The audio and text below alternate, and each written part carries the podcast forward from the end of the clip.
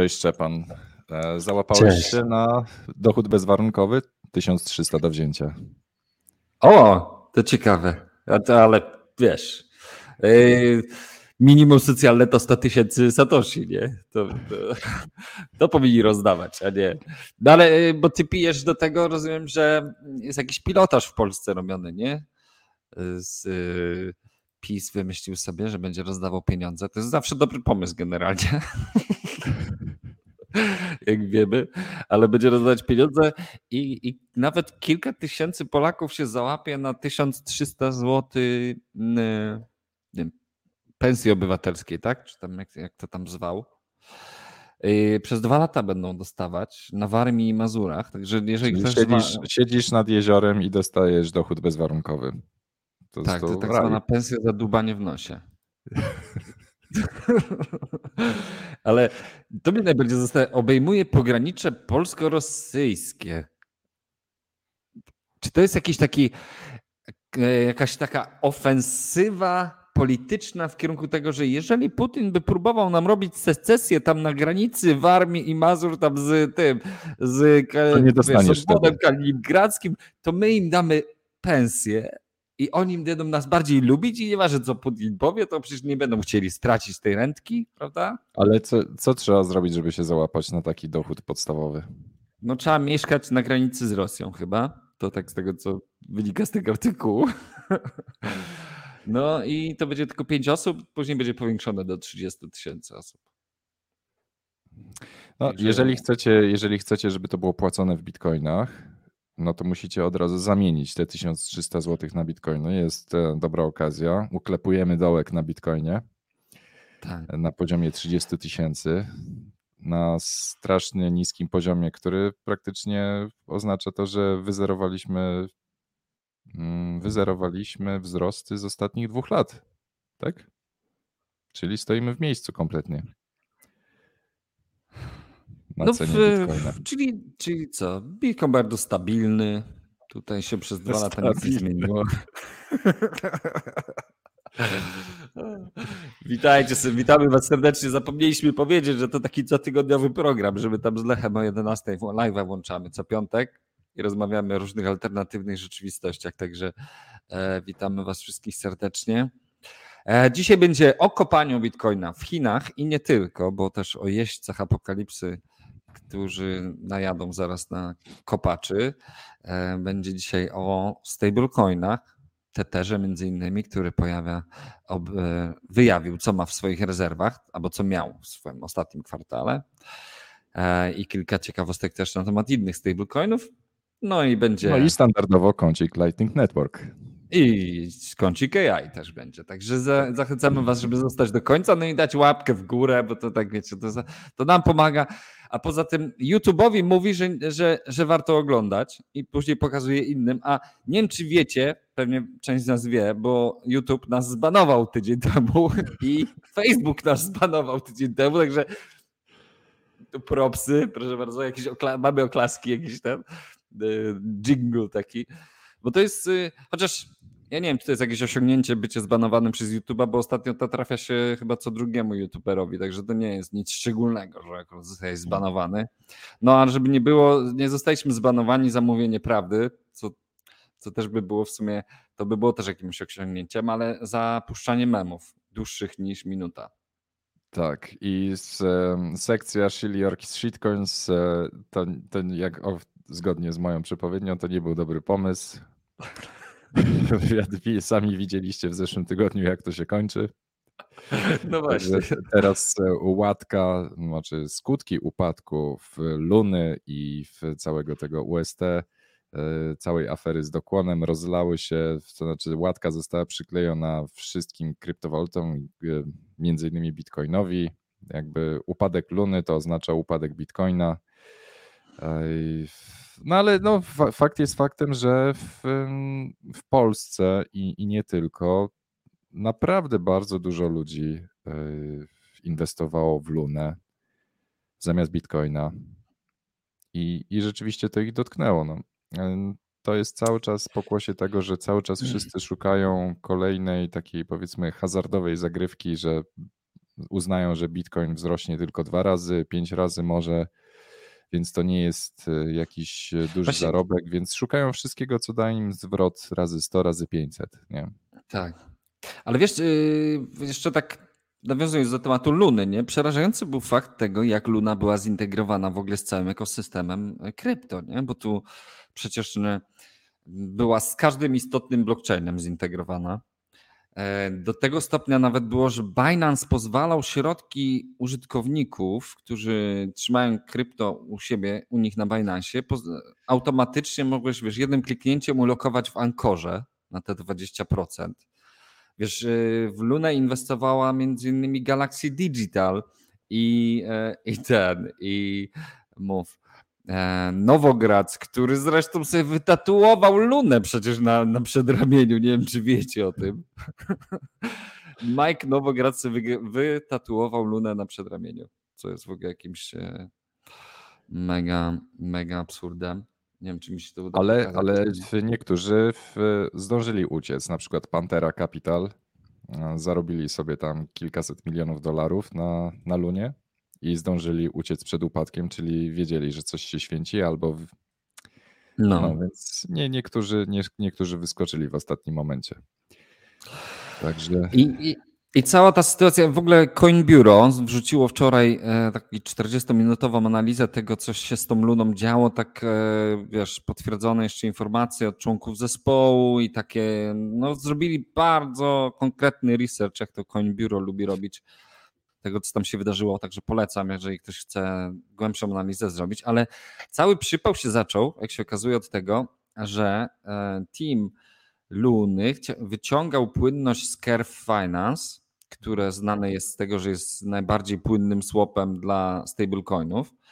I ktoś wiedział o tym, że to się wydarzy, i zaraz po tym, jak oni wyjęli tą płynność, ktoś zdampował 85 milionów UST na USDT, przez co to spowodowało odpięcie od PEGA, spadek poniżej PEGA. W konsekwencji E, tego, że jeszcze dodatkowo rynek tankował i Luna zaczęła tankować, no to to się zapętliło w jakąś taką, wiesz, FOMO, no i y, kolejni ludzie zaczęli wypłacać, co doprowadziło do tej wielkiej lawiny.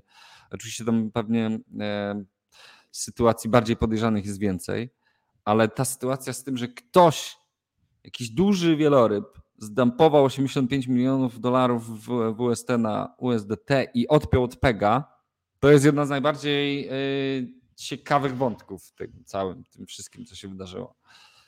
Bo to wygląda wręcz jakby to ktoś specjalnie zrobił. Ale nie jesteśmy specjalistami od Luny, także może zejdźmy z tematu, bo mamy tematów całkiem sporo dzisiaj. Tak, także... no temat, temat odcinka, mm, co dalej z kopaniem kryptowalut, bo w, nadjechali jeźdźcy apokalipsy e, dla górników Bitcoina.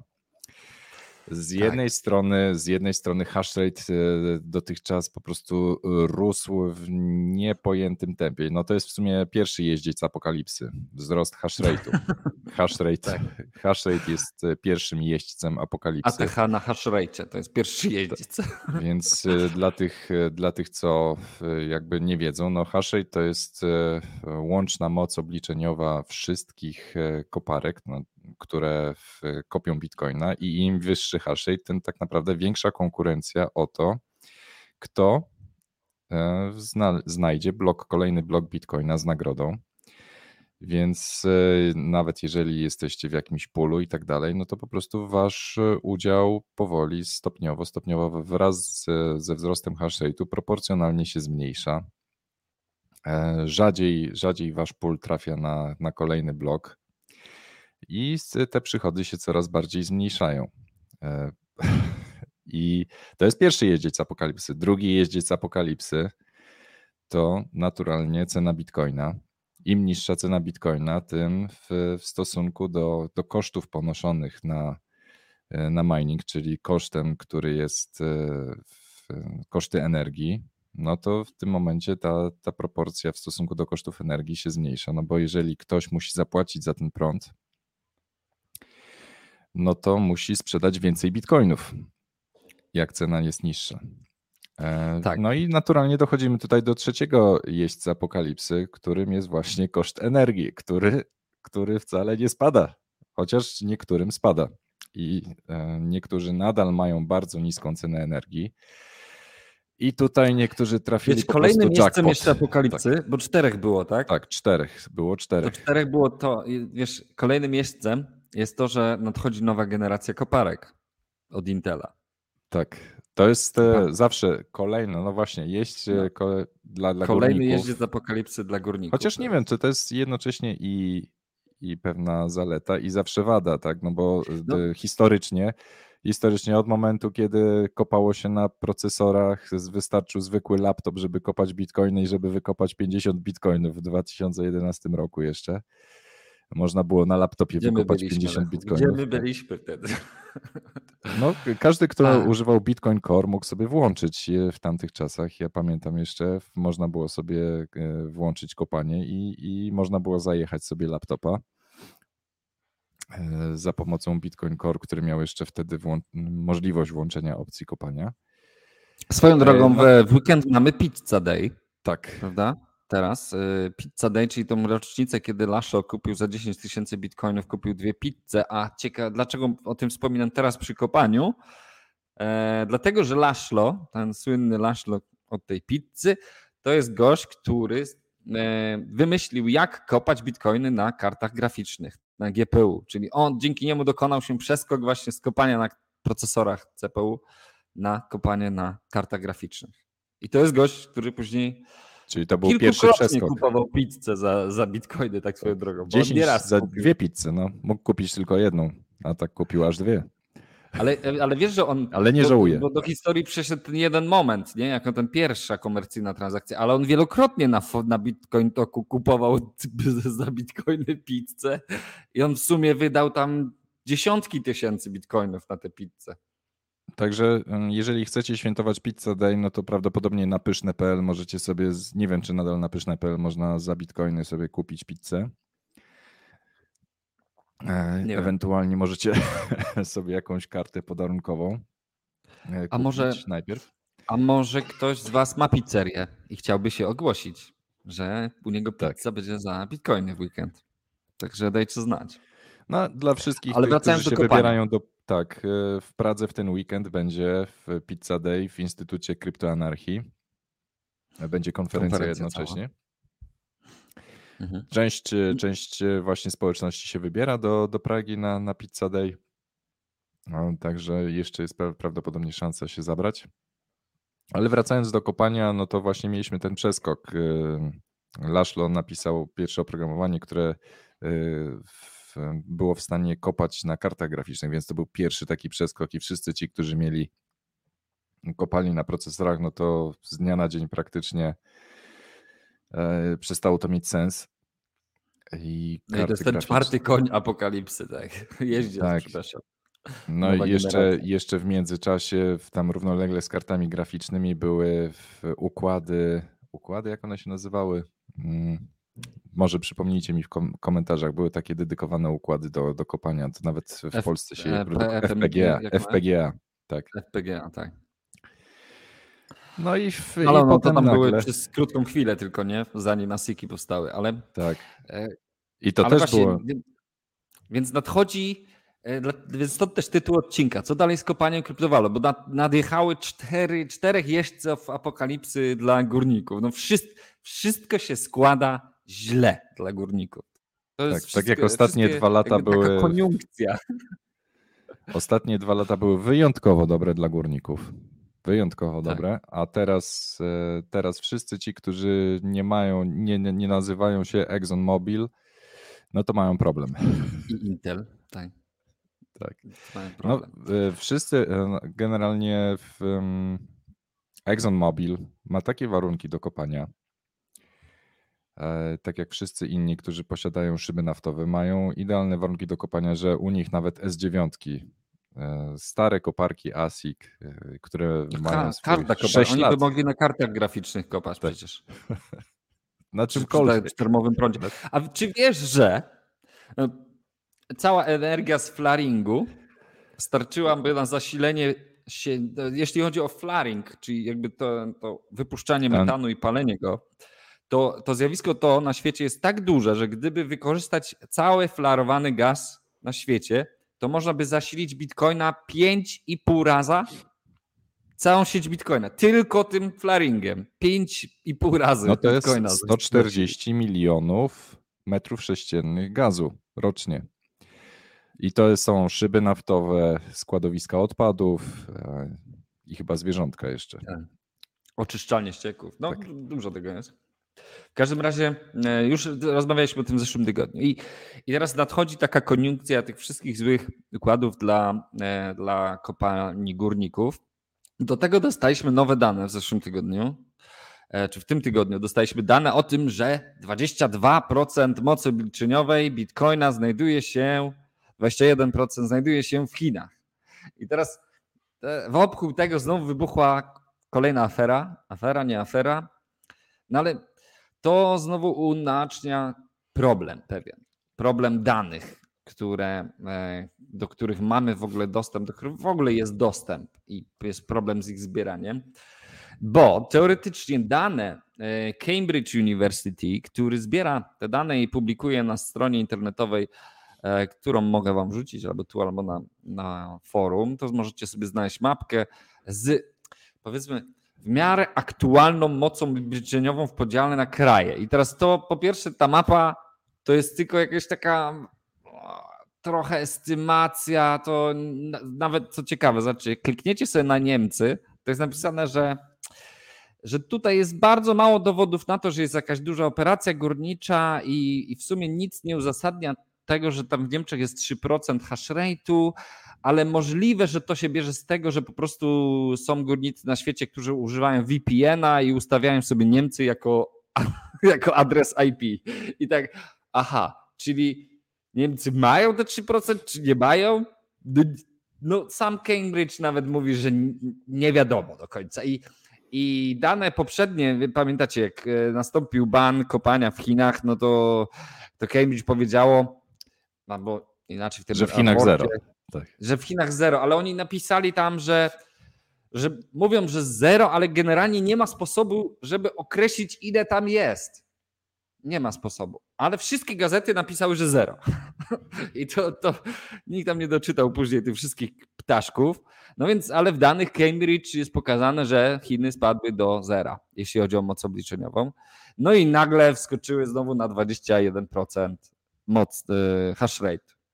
No i teraz to nie jest tak, że wszyscy górnicy w Chinach się wyłączyli, a później jak nie wiem, sytuacja trochę ucichła, to z powrotem włączyli swoje kopalnie, no bo sorry, ale 21% hash rate Bitcoina to tak się nie da schować do podziemia na chwilę, a potem wyciągnąć, nie? One tam na pewno gdzieś były. Pewnie ta mentalność chińska e, tego e, tych układów różnych, jak to jest guanci, jak się mówi, układ, ten, e, że tam rączka rączkę myje. Podejrzewam, że tam na różnych poziomach partyjnych są zaangażowani w kopanie bitcoina, także to nie jest tak prosto.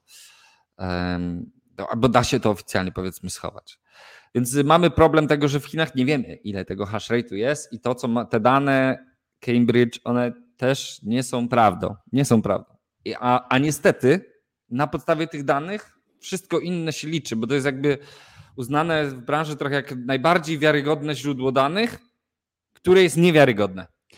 No, wiesz, no prawdopodobnie tam doszło do takiej sytuacji, że właściciele tych hydroelektrowni albo w państwowe hydroelektrownie tam powiedziały partii, no, ej, no słuchajcie, kurde, no to komu my mamy tą energię sprzedawać? Przecież my nie mamy klientów, nie? No wy, opanujcie się, nie? I oni No stwierdzili, no dobra, no to tam włączcie sobie trochę. No i to jest ten obocieczny miecz, jakim jest kopanie bitcoina. Także No hydro, y, hydroelektrownie, mamy tak, mamy wiesz, Czterech potrzebują klientów. Mamy czterech jeźdźców apokalipsy i koniunkcję tych wszystkich złych czynników. Mamy to fakt tego, że analizowanie w ogóle danych związanych z kopaniem jest tak naprawdę trochę wysta- wystawianiem mokrego palca na wiatr i próbą gdzieś tam uzupełniania dziur danych. E, No i mamy sytuację taką, że, że, y, że co? Co dalej z tym kopaniem, Lechu? Ty nam powiedz.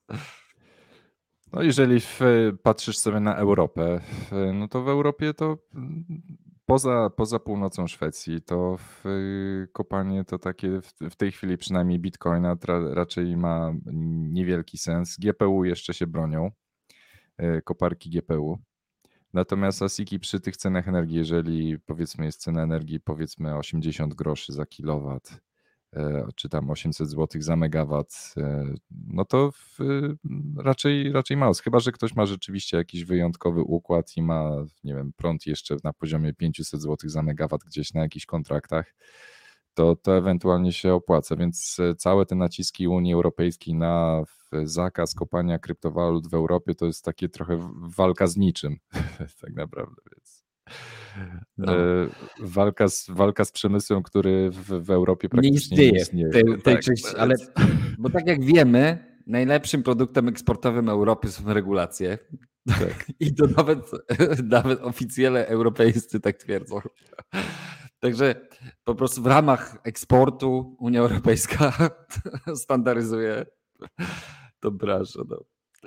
E, a w ogóle jak No ale tam jak, jak jeszcze wróć, wróć na chwilę do, e, do tego w Cambridge University. Tam jest e, bardzo fajna rzecz. Weź sobie na porównania, comparisons i, i tam no. jest jedna rzecz, którą ja zawsze uwielbiam w tych porównaniach dotyczących zużycia energii i wejdź sobie zjedź niżej, jeszcze niżej i jeszcze niżej. O, teraz jeszcze, jeszcze, jeszcze, jeszcze, jeszcze.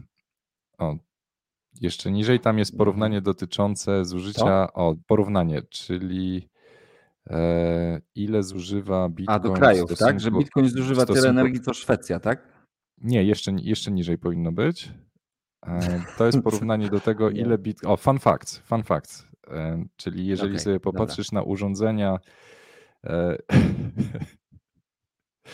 że.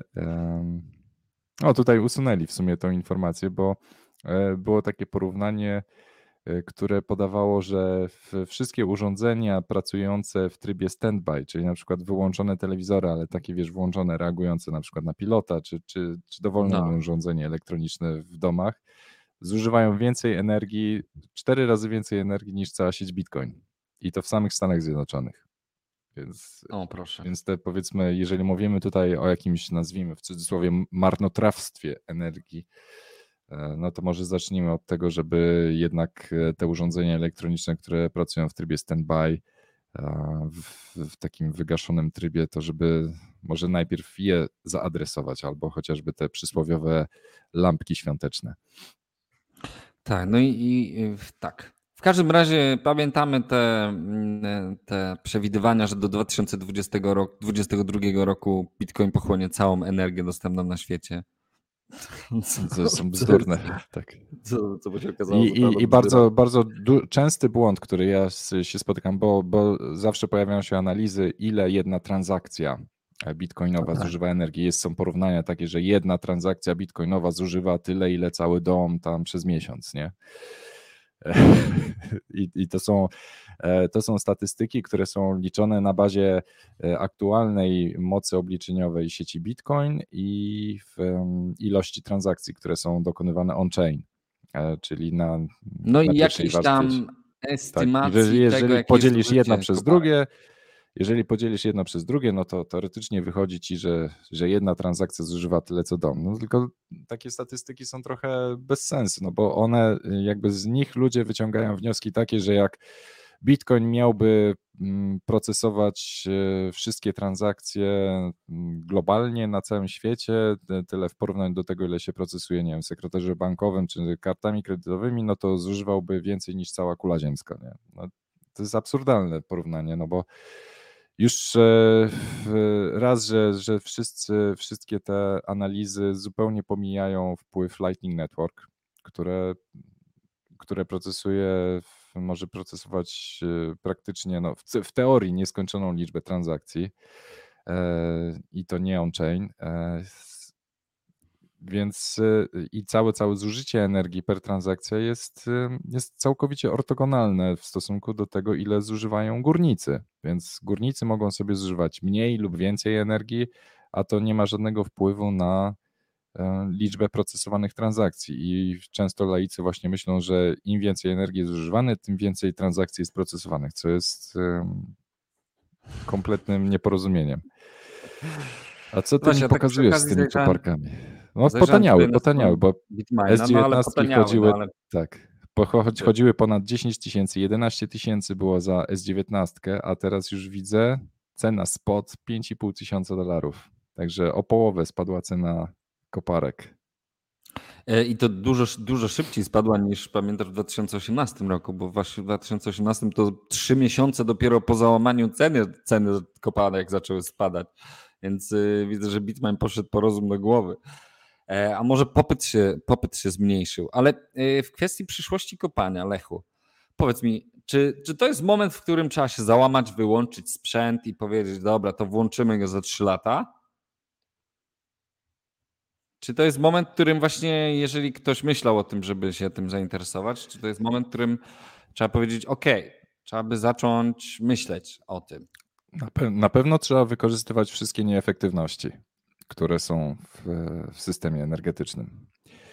E, Znaczy, jedno rozwiązanie to jest po prostu sprzedać swoje koparki w, em, firmom w branży naftowej, e, firmom z branży naftowej, bo oni wezmą każdą ilość i, i dowolnego Okej. typu sprzęt. E, I to jest To, a, jedno. to też jest jakiś pomysł, prawda? Sprzedać swój sprzęt teraz.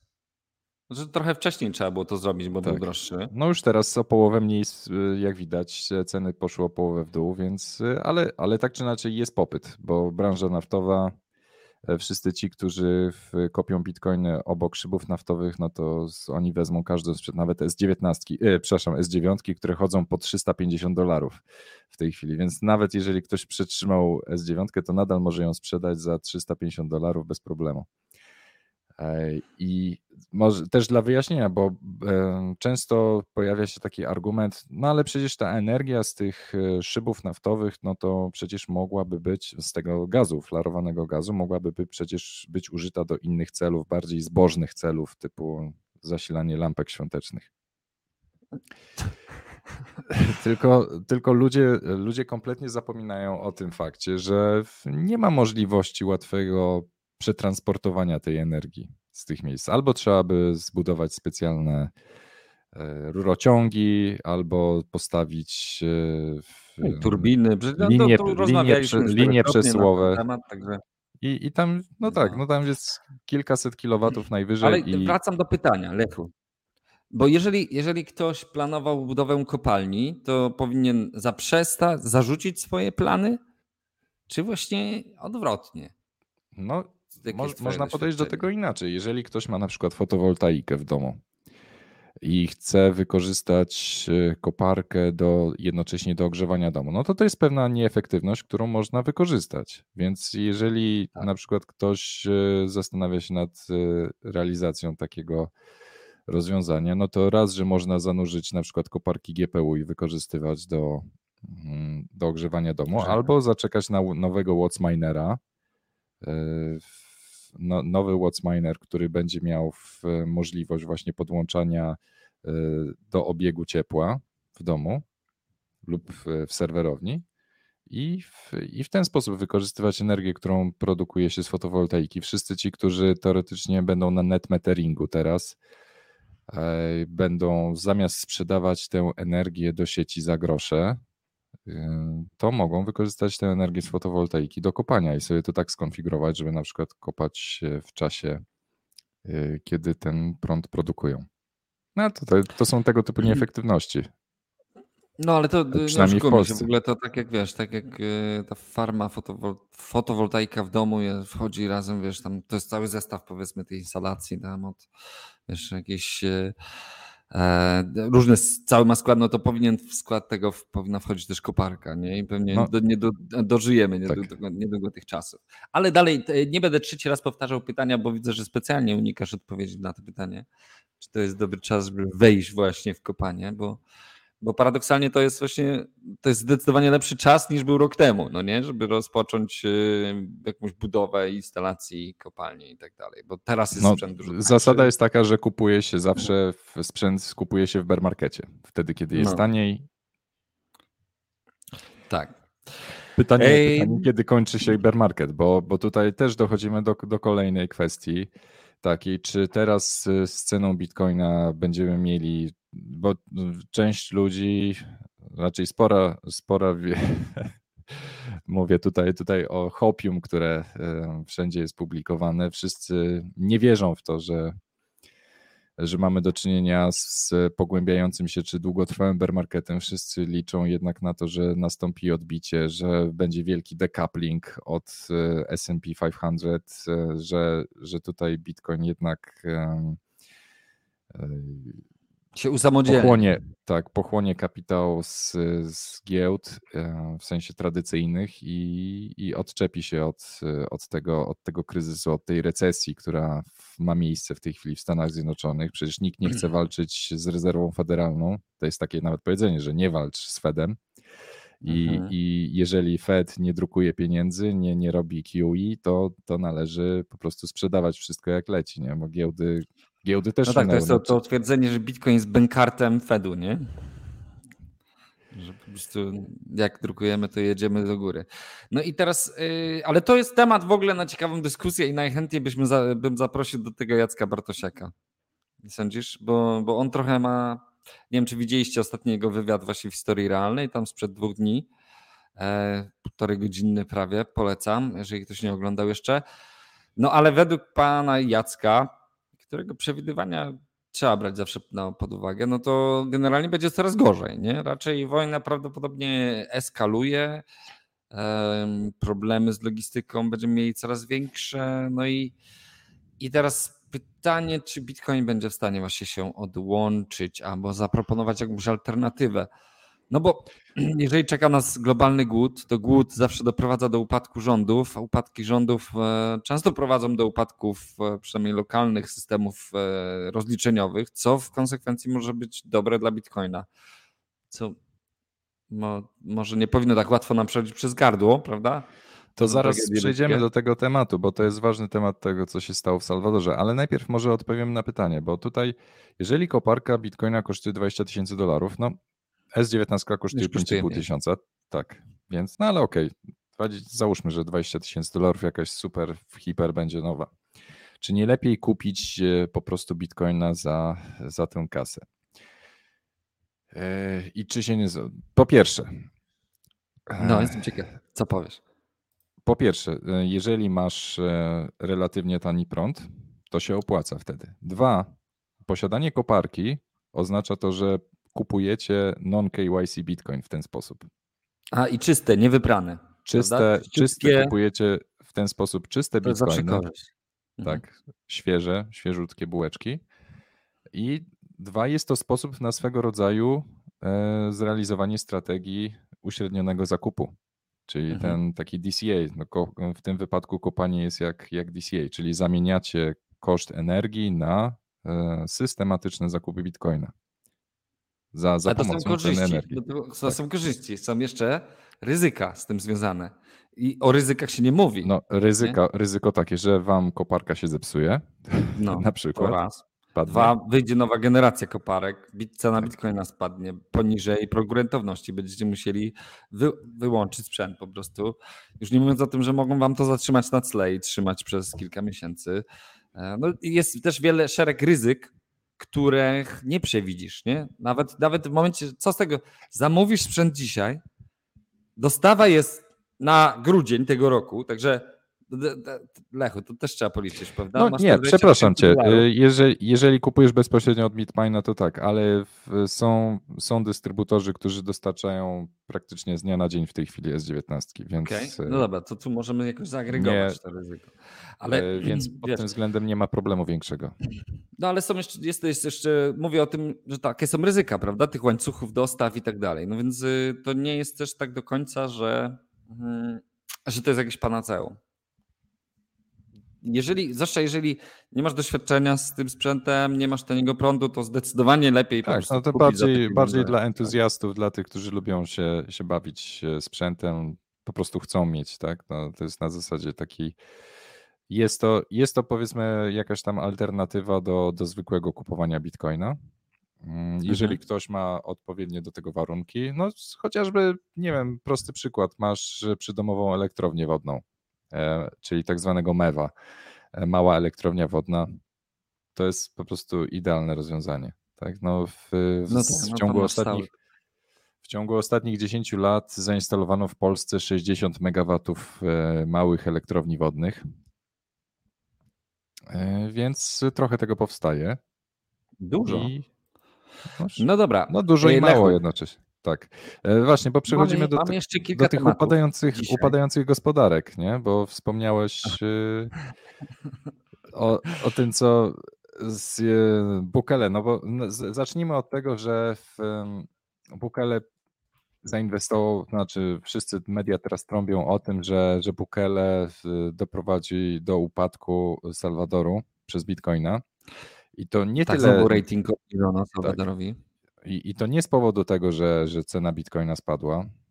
Mm, Co prawda, w, y, inwestycja Bukele Salwatorów Bitcoiny jest na minusie w tej chwili, o ile dobrze widzę.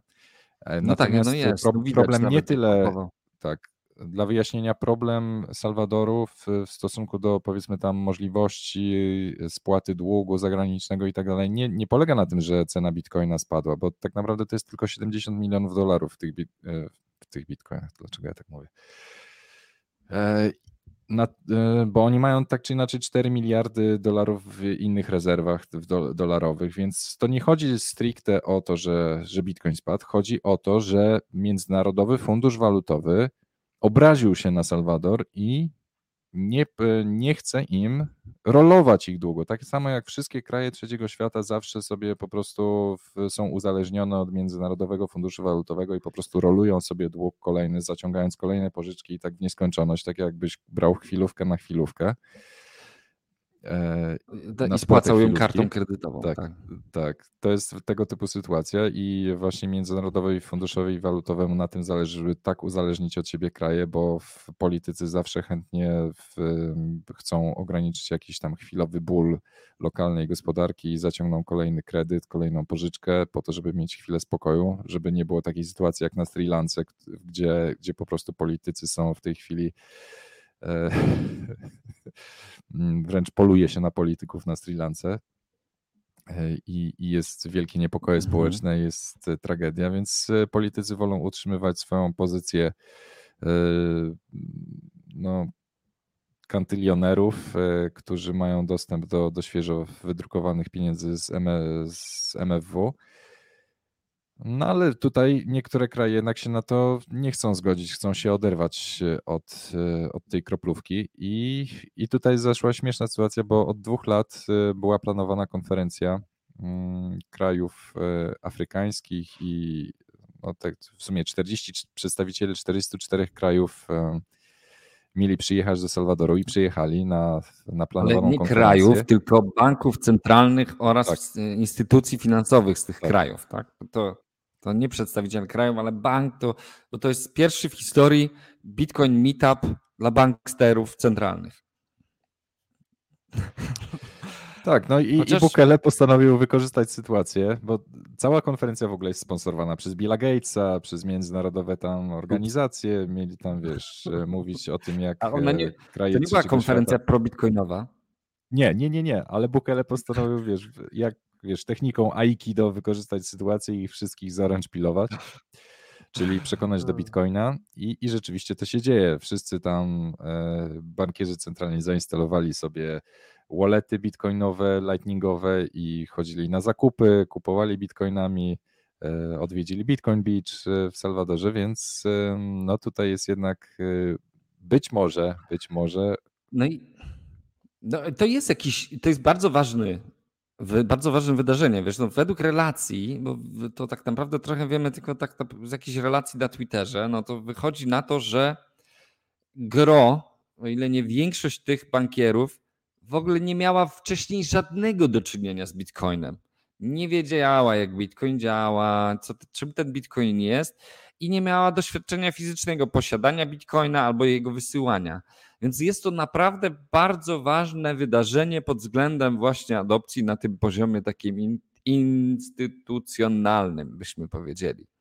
No więc mamy, to jest kolejny taki brzegowy efekt, czy albo trzeciego rzędu efekt adopcji e, Bitcoina przez El Salvador, że ta konferencja, która była planowana od dwóch lat, nagle się zrobiła bitcoinowa, no i to dwa lata temu było pewnie nie do przewidzenia, a teraz e, efekt jest taki, że El Salvador uczy bankierów centralnych, e, uczy bankierów centralnych używać bitcoina, no co na pewno się nie spodoba Międzynarodowi Fundusz, Międzynarodowemu Funduszowi Walutowemu i jakimś innym pewnie tam e, banksterom z całego świata. Co to za stronka? Znaczy to co, to, co aktualnie pokazuje, to jest Twitter. Także mm, jeżeli chodzi ci o inną stronę, to e, wcześniej Lechu pokazywał specjalną stronę, która została stworzona do śledzenia portfolio e, prezydenta Salwadoru.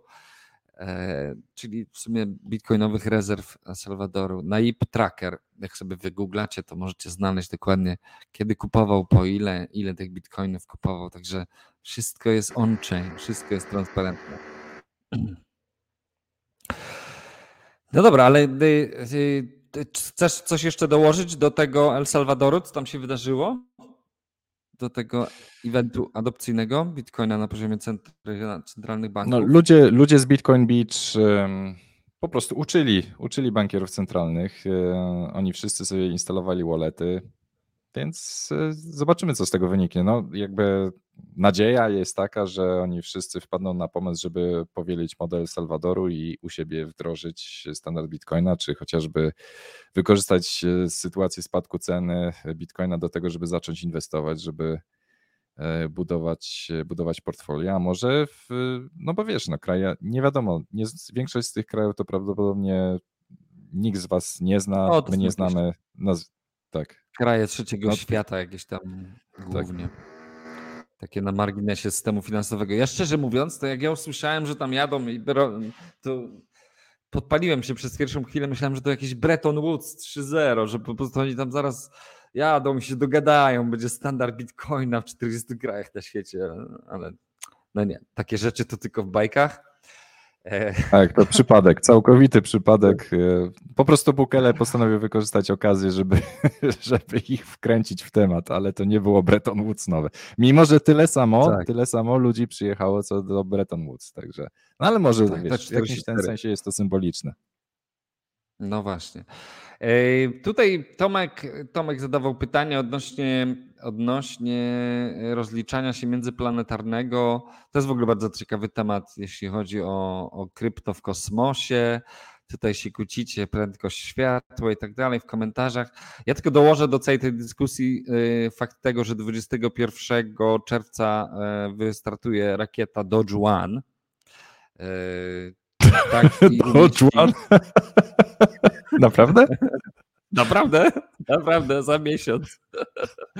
Wystartuje rakieta Dodge One, yy, kupiona w pełni za Dogecoiny od SpaceX i poleci na Księżyc z sondą, która będzie pozwalała wysyłać Dogecoiny na, na Księżyc.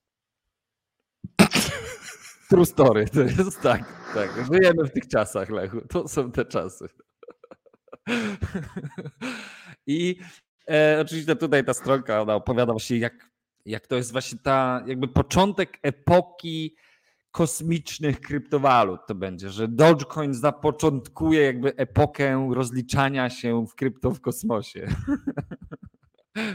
Także to będzie, będziemy już sprawdzać takie e, case study będzie na żywo robione. Niech otworzą kopalnie bitcoinów na, na, ten, na Księżycu. Na, na, na Księżycu. Ale Lechu, umówmy się, będziemy robić live'a ze streama startu Dodge One. Ja wiem, że to nie jest Bitcoin, ale zrobimy streama na kanale naszym. Co ty, co ty na to? Jak chcecie obejrzeć z nami start Dodge One'a, to, to dajcie łapkę w górę, prosimy was. I za miesiąc 28 czerwca, o przesunęli o tydzień, bo było 21 e, jeszcze wczoraj, ale przesunęli o tydzień. 28 czerwca startuje rakieta.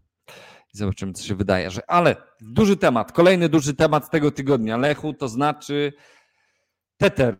Tether, który opublikował swój kwartalny raport na temat transparentności. No i tu już widzę, musimy się załadować. I to jest o tyle ciekawa sprawa, no już się ładuje, no, że Tether, który był uznawany za raka krypto, największe systemowe zagrożenie dla bitcoina i kryptowalut. okazał się wcale nie być takim najgorszym stablecoinem w porównaniu do innych dostępnych rozwiązań. Jak, to już jest historią. Ale e, z tego raportu dowiemy się między innymi, poza tym, że mamy niezależnych audytorów z wysp Kajmana. Z Kajmanów, tak. Ktoś tam na, w Google znalazł na mapach Google, jak wygląda biuro niezależnego audytora.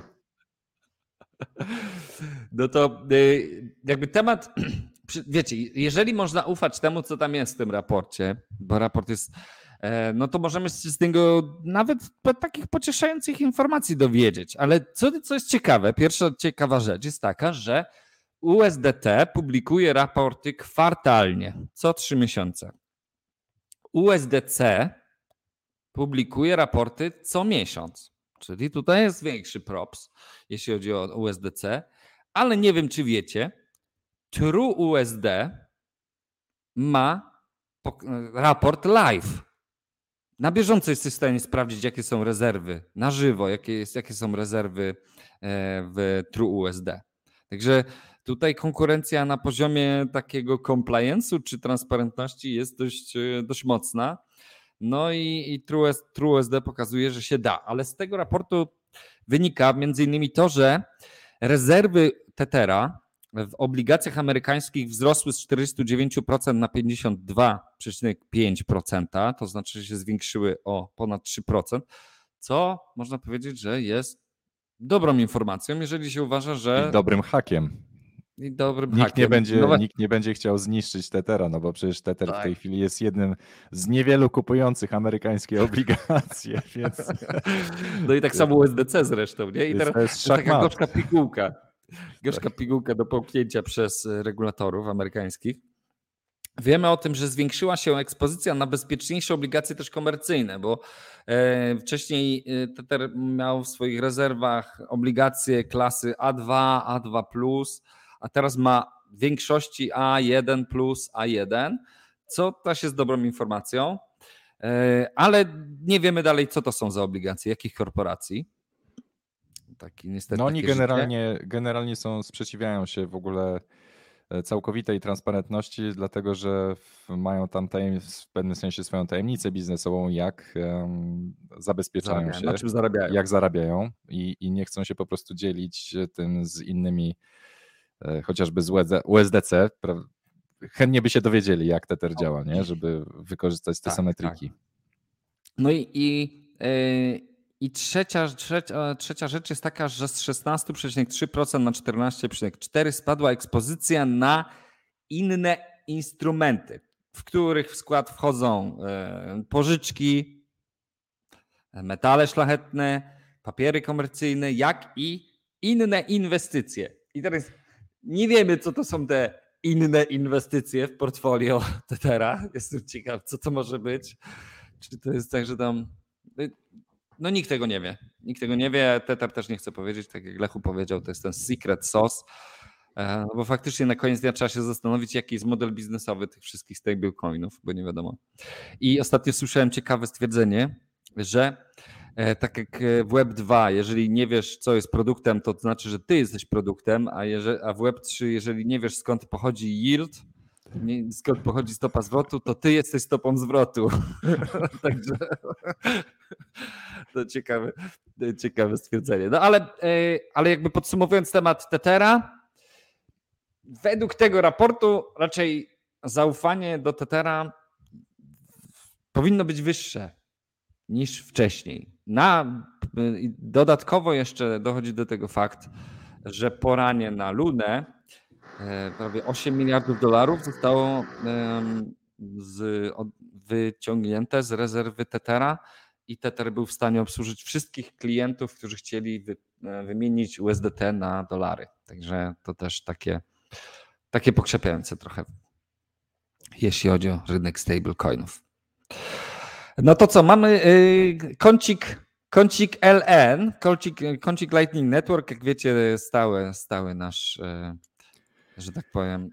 Tak, jedną z taką e, bardzo takich e, spektakularnych nowości, e, jeśli chodzi o wykorzystanie Lightning Network, to jest stworzenie tak zwanej lightningowej karty płatniczej, która opiera się o wykorzystanie technologii NFC, starej technologii NFC, czyli tych połączeń zbliżeniowych, to co każdy telefon praktycznie w tej chwili ma już wbudowane.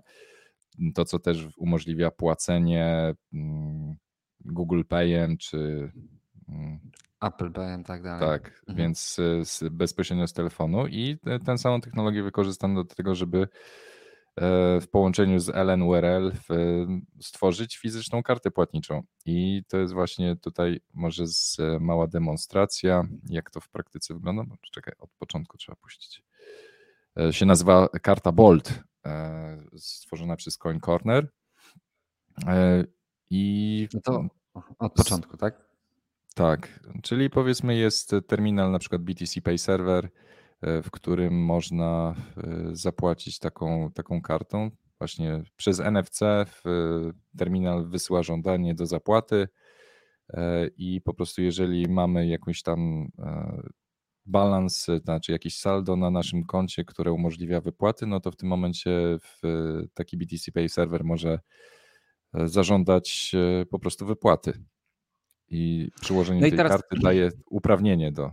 I nawet można płacić na stronach internetowych bezpośrednio. Czyli jeżeli na, na telefonie komórkowym, no nie, ma, nie mam niestety tego filmiku przy sobie, ale nawet jeżeli na telefonie komórkowym otworzysz sobie stronę internetową sklepu e, mhm. i przejdziesz do płacenia i wybierzesz, że chcesz zapłacić e, przez NFC, no to po prostu aktywujesz NFC, przykładasz bierzesz telefon, e, przykładasz z tyłu tą kartę przez NFC i strona internetowa bezpośrednio dokonuje płatności, czyli nic nie musisz wpisywać, płacić, jakiś, wiesz, klikać na telefonie, tylko, tylko przykładasz kartę.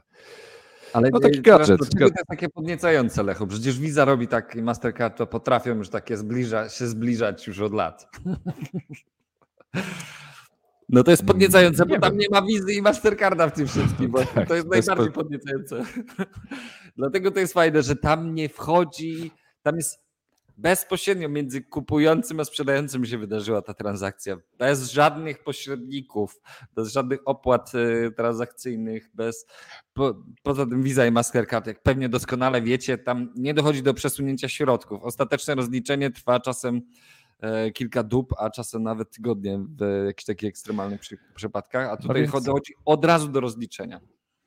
Więc y, w ogóle płacenie, cały proces płatności w Lightning Network jest troszeczkę inny, znaczy troszeczkę, no zdecydowanie inny niż w przypadku przesyłania bitcoinów na, na pierwszej warstwie, bo na pierwszej warstwie to wklepujemy sobie adres bitcoin i wysyłamy na ten adres bitcoin bez względu na to, czy ktoś jest połączony, czy nie.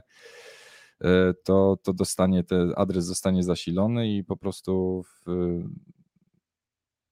otrzyma tak czy inaczej Bitcoin. W Lightning Network no to jednak to jest aktywna sieć, która wymaga połączenia z internetem, więc e, wasz węzeł lightningowy musi być cały czas online, e, żeby móc otrzymać płatność. Więc Szczepan jesteś tam? Szczepana wycięło. I w, no są w, sposoby obejścia tego są takie, że, że po prostu ma, ma się swój na przykład węzeł Umbrel, który jest e, e, gdzieś zainstalowany w sieci, a nasz telefon komórkowy, nasz, nasza aplikacja portfela jest sparowana z takim węzłem, na przykład Blue Wallet, e, czy, czy Zap, czy, czy jakakolwiek inna aplikacja, którą możemy sobie sparować z węzłem lightningowym i, i możemy zawsze otrzymywać płatności. To jest e, mm, i są trzy, trzy metody płacenia, czyli właśnie gdzie wystawiamy komuś invoice'a, tak zwanego invoice'a, czyli w pewien, pewne takie żądanie płatności i ktoś albo skanując QR kod, e, albo po prostu przyklejając taki specjalny adres takiego invoice'a może dokonać płatności. To jest jedna z metod. Druga z metod, która ostatnio się pojawiła, no to właśnie jest e, tak zwany keysend, gdzie w, po prostu możemy, żeby wysłać komuś płatność w Lightningu, to musimy znać e, adres publiczny jego węzła. I na przykład wszystkie aplikacje, które można w, aplikację do słuchania podcastów, gdzie można wypłacić komuś za każdą minutę ogląda, słuchania podcastu, no to właśnie opierają się o tak zwaną metodę Keysense. No i trzecia metoda to jest tak zwany Lightning Address, który też tak naprawdę jest nakładką na LNURL, to tutaj warto się z tym zapoznać. Możecie sobie wyrobić tak jak e, swój adres lightningowy, tak jak troszeczkę działający tak jak adres e-mail. I w zależności od tego, na jakiej platformie sobie e, założycie taki lightning adres, no to macie odpowiedni adres domeny. Mm, jeżeli na przykład każdy z Was ma portfel e, Wallet of Satoshi, no to w Wallet of Satoshi też ma, może sobie wygenerować swój adres lightningowy, czyli wasza, wasza nazwa plus at wallet.satoshi.com, czyli bezpośrednio w portfelu. Jeżeli macie swój własny węzeł Lightning Network, no to też możecie sobie coś takiego skonfigurować. Gdzie to można tutaj... wykorzystać? E, Specu pisze też o Umbrelu z PyHolem, czyli to jest taka PyHole, to jest aplikacja na Umbrel, czyli na mały komputerek Raspberry Pi z oprogramowaniem Umbrel. E, to jest bramka reklam. Blokuje wszystkie reklamy w całej sieci domowej, czyli jak wasze dzieci lubią siedzieć na YouTubie i wkurza was, że 20% czasu na ich YouTubie spędzają na oglądaniu reklam, to taki Raspberry Pi Spyhole podłączacie w swojej sieci lokalnej i już dzieci nie oglądają reklam, także e, to jest duża, duża korzyść. Znaczy nie, nie mówię o oglądaniu YouTube'a, ale Także jak chcecie, jak chcecie sobie uzyskać taki adres e, za pomocą jednego z serwisów internetowych, lightningowych, no to na stronie lightningadres.com, gdzie to można potem w praktyce wykorzystać, jeżeli korzystacie sobie z cashbacków w bitcoinach na satsback.com, no to na satsback.com, tam jak robicie zakupy sobie na Allegro czy gdziekolwiek indziej i dostajecie cashback w bitcoinach, no to jeżeli sobie w ustawieniach swojego konta wstawicie swój adres, lightning adres, taki w formacie takiego zwykłego e-maila, no to automatycznie dostajecie wypłaty e, w Lightningu bez waszego jakiegokolwiek, jakiejkolwiek aktywności czy i bezpośrednio na portfel. Tak, tak. I nic nie musicie robić, po prostu dostajecie pyk, pyk, pyk, spływa wam co jakiś czas. I to jest jeden ze sposobów na oszczędzanie w Lightningu. Tak. E, taki prosty, fajny sposób, że e, wchodzisz i chcesz, nie wiem, rzucić 50 zł w Lightning, polecisz jakiś lechu, że tam po prostu, nie wiem, mam 50 zł i chcę wrzucić to w Lightning. To jest, to jest jeszcze, brakuje jakichś takich fajnych bramek, a to jest wniosek do ciebie, do Swapli akurat. A przechodząc do pytania tutaj jeszcze jednego, czyli jaka jest sensowna alternatywa dla Blue Wallet? E, no to szczerze mówiąc, moim zdaniem najlepsza i najlepszą alternatywą jest Moon Wallet. E, to the Moon Wallet, czyli e, Moon przez dwa U otwarte. I to jest o tyle ciekawy portfel, że ma zupełnie inną formę robienia backupów. Nie spisuje się tam 12 słów, tylko spisuje się tam cold recovery code, który jest ciągiem to, to jaka jest różnica? I tak i tak musisz to spisać.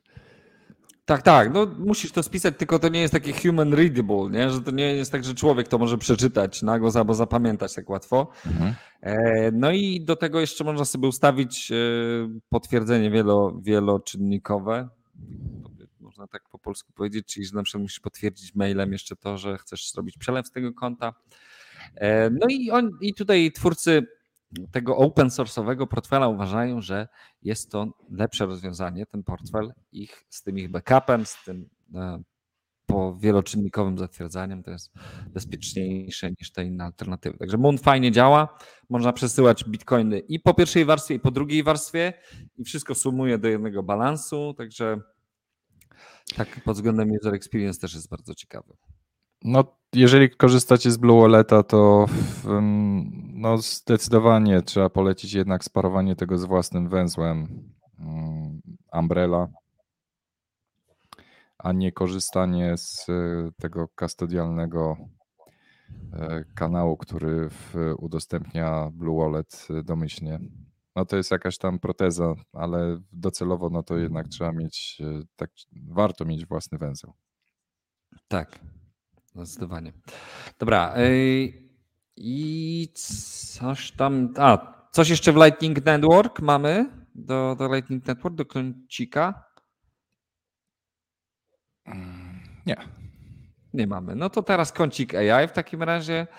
E, I oczywiście wiecie, w zakresie kącika AI to tu można zawsze dużo opowiadać.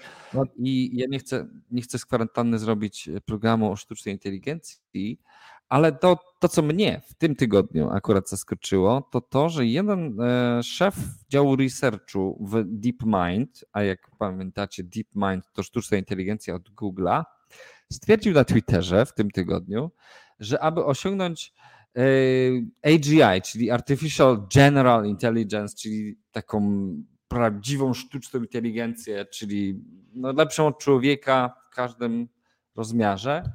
Jego zdaniem jedyne, czego teraz potrzebujemy, to więcej mocy obliczeniowej. W sensie, że jesteśmy na prostej drodze do tego i to się już dzieje. My, my tą sztuczną inteligencję już mamy, tej, tą, której szukamy. Nie musimy odkrywać zupełnie czegoś nowego, tylko to, co ma Google, to już jest sztu generalna sztuczna inteligencja, tylko jeszcze nie doszliśmy tam, bo potrzebujemy jeszcze trochę mocy obliczeniowej, żeby tam dojść. E, co jest bardzo pocieszające, prawda? W sumie mamy Terminatora, ale dziecko póki co Terminatora.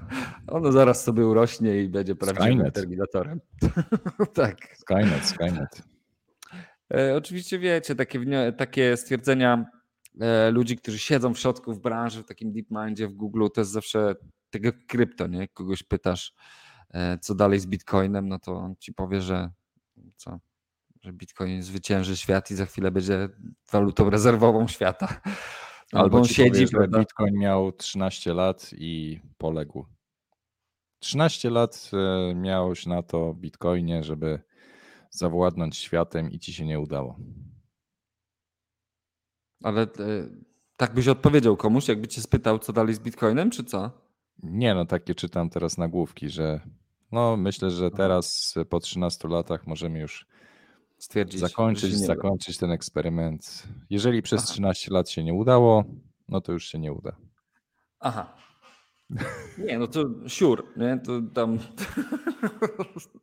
to jest Jezu, ludzie jakie mają oczekiwania takie krótkie czasowe. No to jest właśnie to jest to, o czym mówimy, że ktoś chce od razu tam razy 100 zrobić w krypto. A tak y, z takich jeszcze nowości, na przykład nie wiem, czy wiesz, y, ruszyła rozprawa y, Artura Hejsa, prezesa BitMEXa, któremu grozi tam chyba do 7 lat więzienia za do 12 nawet więzienia, 12 miesięcy więzienia, przepraszam, za e, dostarczanie produktów strukturyzowanych amerykańskim inwestorom oczywiście. To taka ciekawostka dla tych, co śledzą temat Bitmaina. No dobra, w kwestii pytań waszych, nie Bitmaina, tylko Bitmexa. Tutaj wszystko z tym bitmami. E, słuchajcie, po mini wrzuca w komentarzu, wrzucił, że co kwarantannę będzie podawał jedno słowo w komentarzu ze swojego SIDA. No proszę. Pierwsze słowo Crazy. Crazy. Ciekawy eksperyment, jestem ciekaw. Ja od razu, od razu uprzedzam, że wystarczy 7-8 słów. No, tak. 8 słów i w ciągu godziny, czy tam nawet krócej można resztę, resztę odzyskać. Także Jeszcze 8 z 12 już wystarczy do. Czyli za 8 odcinków już będzie można sięgnąć. Tak. Internet powstał w latach 60., 70., dopiero po 2000 roku stał się bardziej popularny i dostępny. No właśnie, no. Myśmy się wychowali wraz z internetem. Jesteśmy pokoleniem milenialsów. Pamiętamy, jak internet dzwonił przez telefon. Teraz jest odwrotnie. Pamiętamy rachunki za telefon. Rachunki za telefon też pamiętamy. I to, to że nikt w tym czasie nie mógł zadzwonić. Potem, ja potem po kryjomu przed mamą dzwoniłem do internetu, a później tak, się bałem, potem, że mama się domyśli. Potem wszyscy się śmialiśmy z tak zwanego pokolenia SDI Neostrady. Tam dzieci Neostrady były. Nie wiem, czy pamiętacie Ojej. dzieci Neostrady. Ja pamiętam, byłem w liceum i zazdrościłem wszystkim tym studentom, którzy mieszkają w akademikach, bo mają stałe łącze i mogą ściągać nawet filmy z internetu. Jak ja zaczynałem, to jeszcze nie było internetu jako takiego, były tak zwane BBS-y, do których się wdzwaniało. Można było się wdzwonić do konkretnego BBS-a i tam sobie przeglądać jakieś materiały na konkretnym BBS-ie. No ale to były jeszcze dla przypomnienia czasy, kiedy w francuski Minitel po, w, chwalił się, że jest lepszy od internetu, bo ma więcej funkcjonalności niż internet. I, i bardzo szybko to się zmieni. Także e, przez właśnie przez Minitel, przez taką, można by powiedzieć, e, przez to, że Minitel był lepszy przez długi czas od internetu, no to Francja przez długi czas była dosyć zacofana, jeśli chodzi o, o internet. Także Bo mieli do Minitel, tak? Więc tu warto, warto w sumie wyciągnąć pewne wnioski, bo kraje, które w, robią taki żabi skok technologiczny, czyli od razu wchodzą w bitcoina, tak jak Salwador, w pewnym momencie no, mogą jednak um, przeskoczyć technologicznie. A. No ale albo, albo utknąć w jakiejś pułapce technologicznej, tak jak Francja, tak? Że niby właśnie oni próbowali wykorzystać no lepszą no technologię, ale tak. finalnie okazało się, że się odgrodzili od reszty internetu. To też jest takie, to też takie pewne niebezpieczeństwo, że jak jeszcze nie ma pewnych szeroko przyjętych standardów, a ty wybierzesz jakiś jeden i zaczniesz na nim budować, to później jesteś niewolnikiem tego standardu. Nie? To też jest ważne. E, pytanie tutaj, czy jest jakieś narzędzie, które polecimy do odzyskiwania reszty SINA na podstawie paru słów? Tak. E, projekt nazywa się BTC Recover. Tylko trzeba znaleźć odpowiedniego aktualnego forka, bo pierwotny projekt BTC Recover nie jest rozwijany, jest, y, jest y, osobna wersja, osobny fork, y, który jest aktualizowany do. Także tam można odzyskiwać wszystko. Hasła do no, blockchain info starego, Mm, odzyskiwać właśnie CD 12 czy 24-słowne, jeżeli komuś, nie wiem, jakieś słowo się zgubiło albo źle zanotowane jest, no można się bawić w odzyskiwanie. To samo. Także no BT, ja znam BTC... komuś się karteczka zalała. Tak. tak. Dlatego Także projekt nazywa się BTC Recover. Także. Okay. I także no, ma dosyć szeroki zakres funkcjonalności, różnego typu portfeli Także pewnie dam e, w komentarzu w opisie do odcinka dam odpowiedni link do, do projektu. No dobra, Lechu, to co? Jak to zawsze Jakie bywa, prognozy, Jakie prognozy na koniec? Czy uklepujemy dno? Jeszcze na tak. Jeżeli sobie popatrzymy, e, od, e, odświeżmy sobie, proszę cię, aktualny stan e, longów na Bitfinexie. E, przypominam, moja teoria była taka, że longi rosły w momencie, kiedy duzi gracze sprzedawali i hedżowali swoje pozycje. Także oczywiście nie zmienia to faktu, że wszyscy inni też e, po spadku ceny mogli też spekulacyjnie otworzyć sobie pozycję long, ale w większości przypadków są to jednak hedże E, dla tych, co sprzedają. Czyli ale hedge, na czym, na czym polega w tym przypadku? Czyli mówię sobie tak, ok, bit, zakładam, że Bitcoin raczej będzie spadał, więc keszuję się teraz, ale ustawiam sobie longa, jeden znaczy Nie, nie, zakładasz, zakładasz, że spadki się kończą, ale ty musisz sprzedać spot. Aha, Czyli okay. na przykład dzisiaj, dzisiaj musiałeś sprzedać bitcoiny za 30 tysięcy z jakiegoś powodu. No nie wiem, bo musisz zapłacić za prąd na przykład. No. Albo cokolwiek innego, no, albo boisz się e, dalszych spadków, ale jednak e, nie chcesz stracić potencjalnego upside, że cena jednak e, nagle wybije. Tak. No bo jak cena tak nisko spadła, no to wiadomo, że mogą być jakieś odbicia mm, z jakiegoś powodu, więc hedżujesz się w ten sposób, że za jakiś mały procent obstawiasz z dźwignią pozycję long, a nuż widelec no, złapiesz, nie? I, I teraz y, te longi już przestały specjalnie rosnąć, czyli to też mogłoby oznaczać, że duzi gracze przestają powoli sprzedawać, więc y, te longi, no jeżeli sobie nałożysz to na, na wykres ceny bitcoina, y, te właśnie pozycje long na, na Bit, Bitfinex, no to zazwyczaj to mamy w ogóle jakieś totalne ATH widzę tutaj na tych longach. Tak, tak, tak, zdecydowanie. Więc to jest historycznie naj, najwyższe. Czyli co, czeka nasz flash, flash crash, nasz czeka. No, jak tyle jest longów, Jeżeli to tak, jeżeli flash te longi zostaną wyczyszczone, to będzie. Ło, panie. To trzeba, to czekaj, to trzeba sobie ustawić na 10 tysięcy, trzeba sobie ustawić zlecenie zakupu. No bo je, nawet. jeżeli chodzi o prognozę, no to mo- możemy postraszyć. Możemy postraszyć, bo jeżeli postraszymy chociażby tym, że syndyk y, ma Antigoxa kończy w tym momencie zapisy, Procedury. tam jest ile? Tak, 115 ostateczne wezwania do dostarczenia adresów, nie? Bo on zaraz będzie, zaraz będzie wysyłał te bitcoiny wszystkie, tak? Tak. Które odzyskał. Tak, tak. No więc y, pytanie, co się z nimi stanie, no. Na Więc pewno część padnie na rynek. tym można straszyć. No, bójcie się. O, Czym jeszcze można straszyć? się bali. Czym jeszcze można postraszyć? Że tym, że górnicy są przyciśnięci do ściany. Unia Europejska, Unia Europejska zakaże kopania. Mm, Znaczy mówię przyciśnięci do ściany wzrostem hash rate'u i spadkiem ceny i nagle okaże się, że w, w pewnym sensie to magazynowanie bitcoinów, e, budowanie rezerw bitcoinowych się nie, opłaci, nie opłaciło i są przyciśnięci do ściany, kończą się zapasy gotówki, żeby płacić za prąd i e, będą przyciśnięci do ściany i sprzedawać bitcoiny, żeby zapłacić za prąd. E, To jest e, No, kolejne, wiesz, kolejne zagrożenie. flash crashu dochodzi jeszcze do tego margin call na MicroStrategy i lądujemy na Dwa- 100 dolarów za bitcoina. Pożyczki, wszyscy ci, którzy zaciągali pożyczki na Nexo, w Celsiusie i tak dalej, Mhm. też są na, na granicy e, upłynnienia swoich pożyczek. To jest kolejne, kolejne zagrożenie, że będą kaskadowo upłynniane pożyczki. To jest, to jesteśmy na granicy, więc Jesteśmy właśnie, to jest, to jest taki moment, warto, co by nie było, chyba warto mieć gdzieś ustawioną bardzo nisko taką pozycję, tak nie? w Bo dwie nie- strony. kosztuje, Ale wiesz, zawsze można tam, nie wiem, 50% niżej, poniżej tej ceny obecnej na przykład. Może aż tyle. Więc Uuu, strachy Bitcoin za jest, 15 tysięcy dolarów. Jak tanio.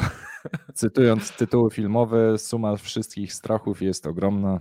Niepewność, niepewność na rynku jest ogromna, ale miejmy nadzieję, miejmy nadzieję, że rynek zachowuje się zawsze odwrotnie niż wszyscy myślą, więc wszyscy teraz zakładają spadki.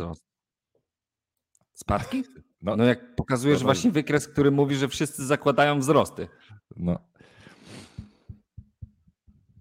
Nie no teraz No nie rynek nie wie co myśleć. Tak. Generalnie to jest, to jest prawda. Rynek, więc... rynek ma kiełbę A wełbie jeszcze, teraz. jeszcze trzecia, trzecia taka najbardziej, nie wiem, to chyba spadek ceny byłby najbardziej przygnębiający, ale w, też przygnębiająca jest perspektywa tego, że jesteśmy w bear markecie, nie walczymy z Fedem, przez kolejne 2-3 lata będziemy mieli wiszącą cenę bitcoina, wiszącą czy, czy s- stopniowy spadek, e, powrót do, do poziomów troszeczkę powyżej, nie wiem, poprzedniego ATH z poprzedniej bańki.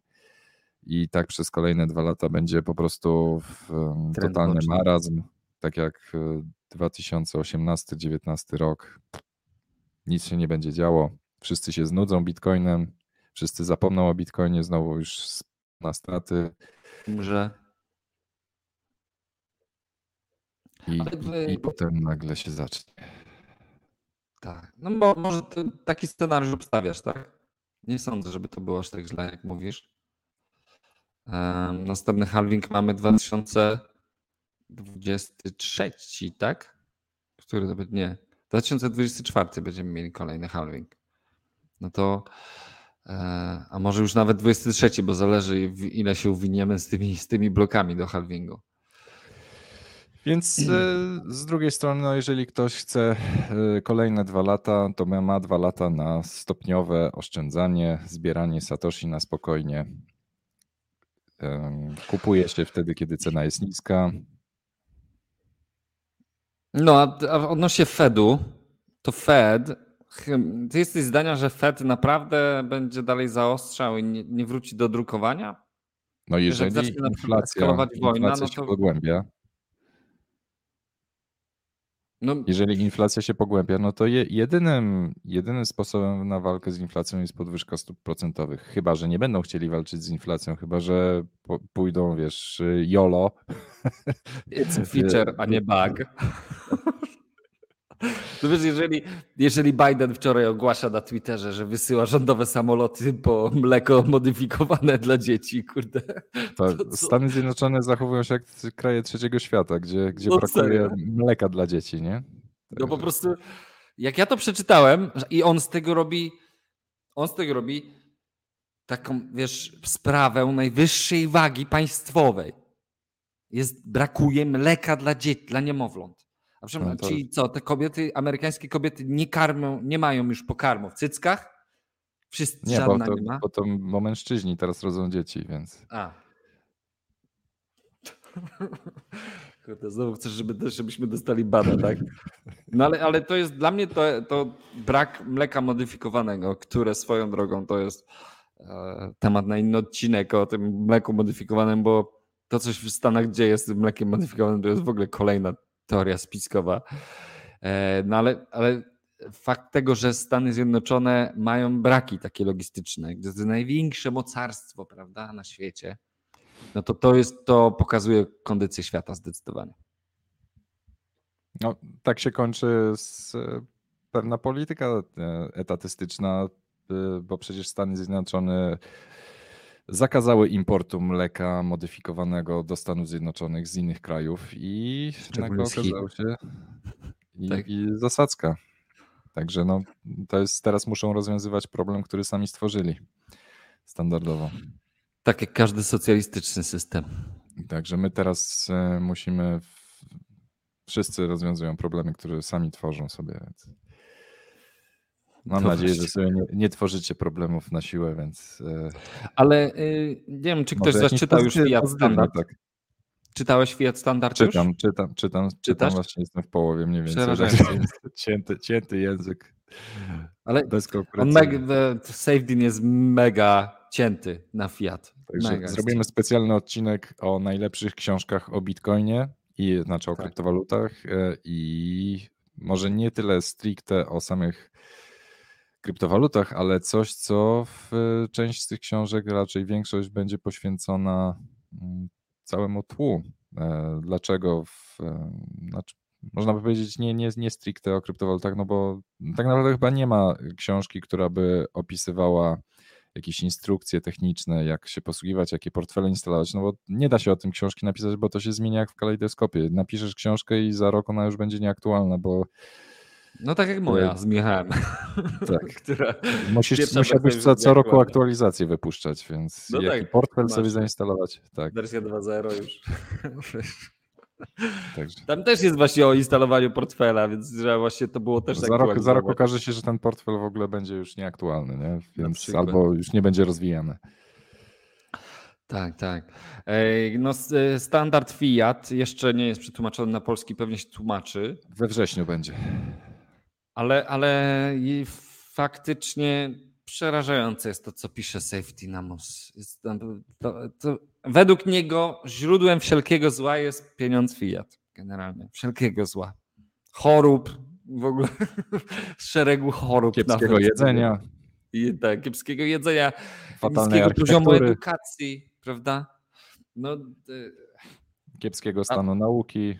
Tak, tak, tak. Tak, w No sensie to- całej degra- degradacji świata, e, świata badań naukowych. No, wszelkie, wszystkie wojny są przez pieniądze, przez Fiat właśnie. No to tak. To, to, jak się czyta tą książkę, to aż się kamienie w kieszeni znajdują. To po prostu kamień się w kieszeni otwiera. Nie spoileruj, dobrze, przepraszam, nie będziemy spoilerować.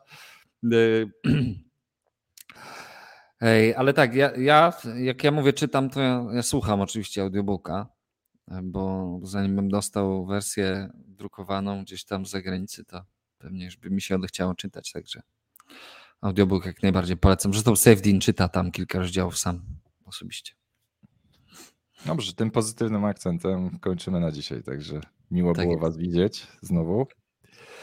Trzymajcie się E, i Kochamy Was. modl. Pa. Pa. Nie było hymnu. Nie było. Czekaj, czekaj. Zdążę, zdążę jeszcze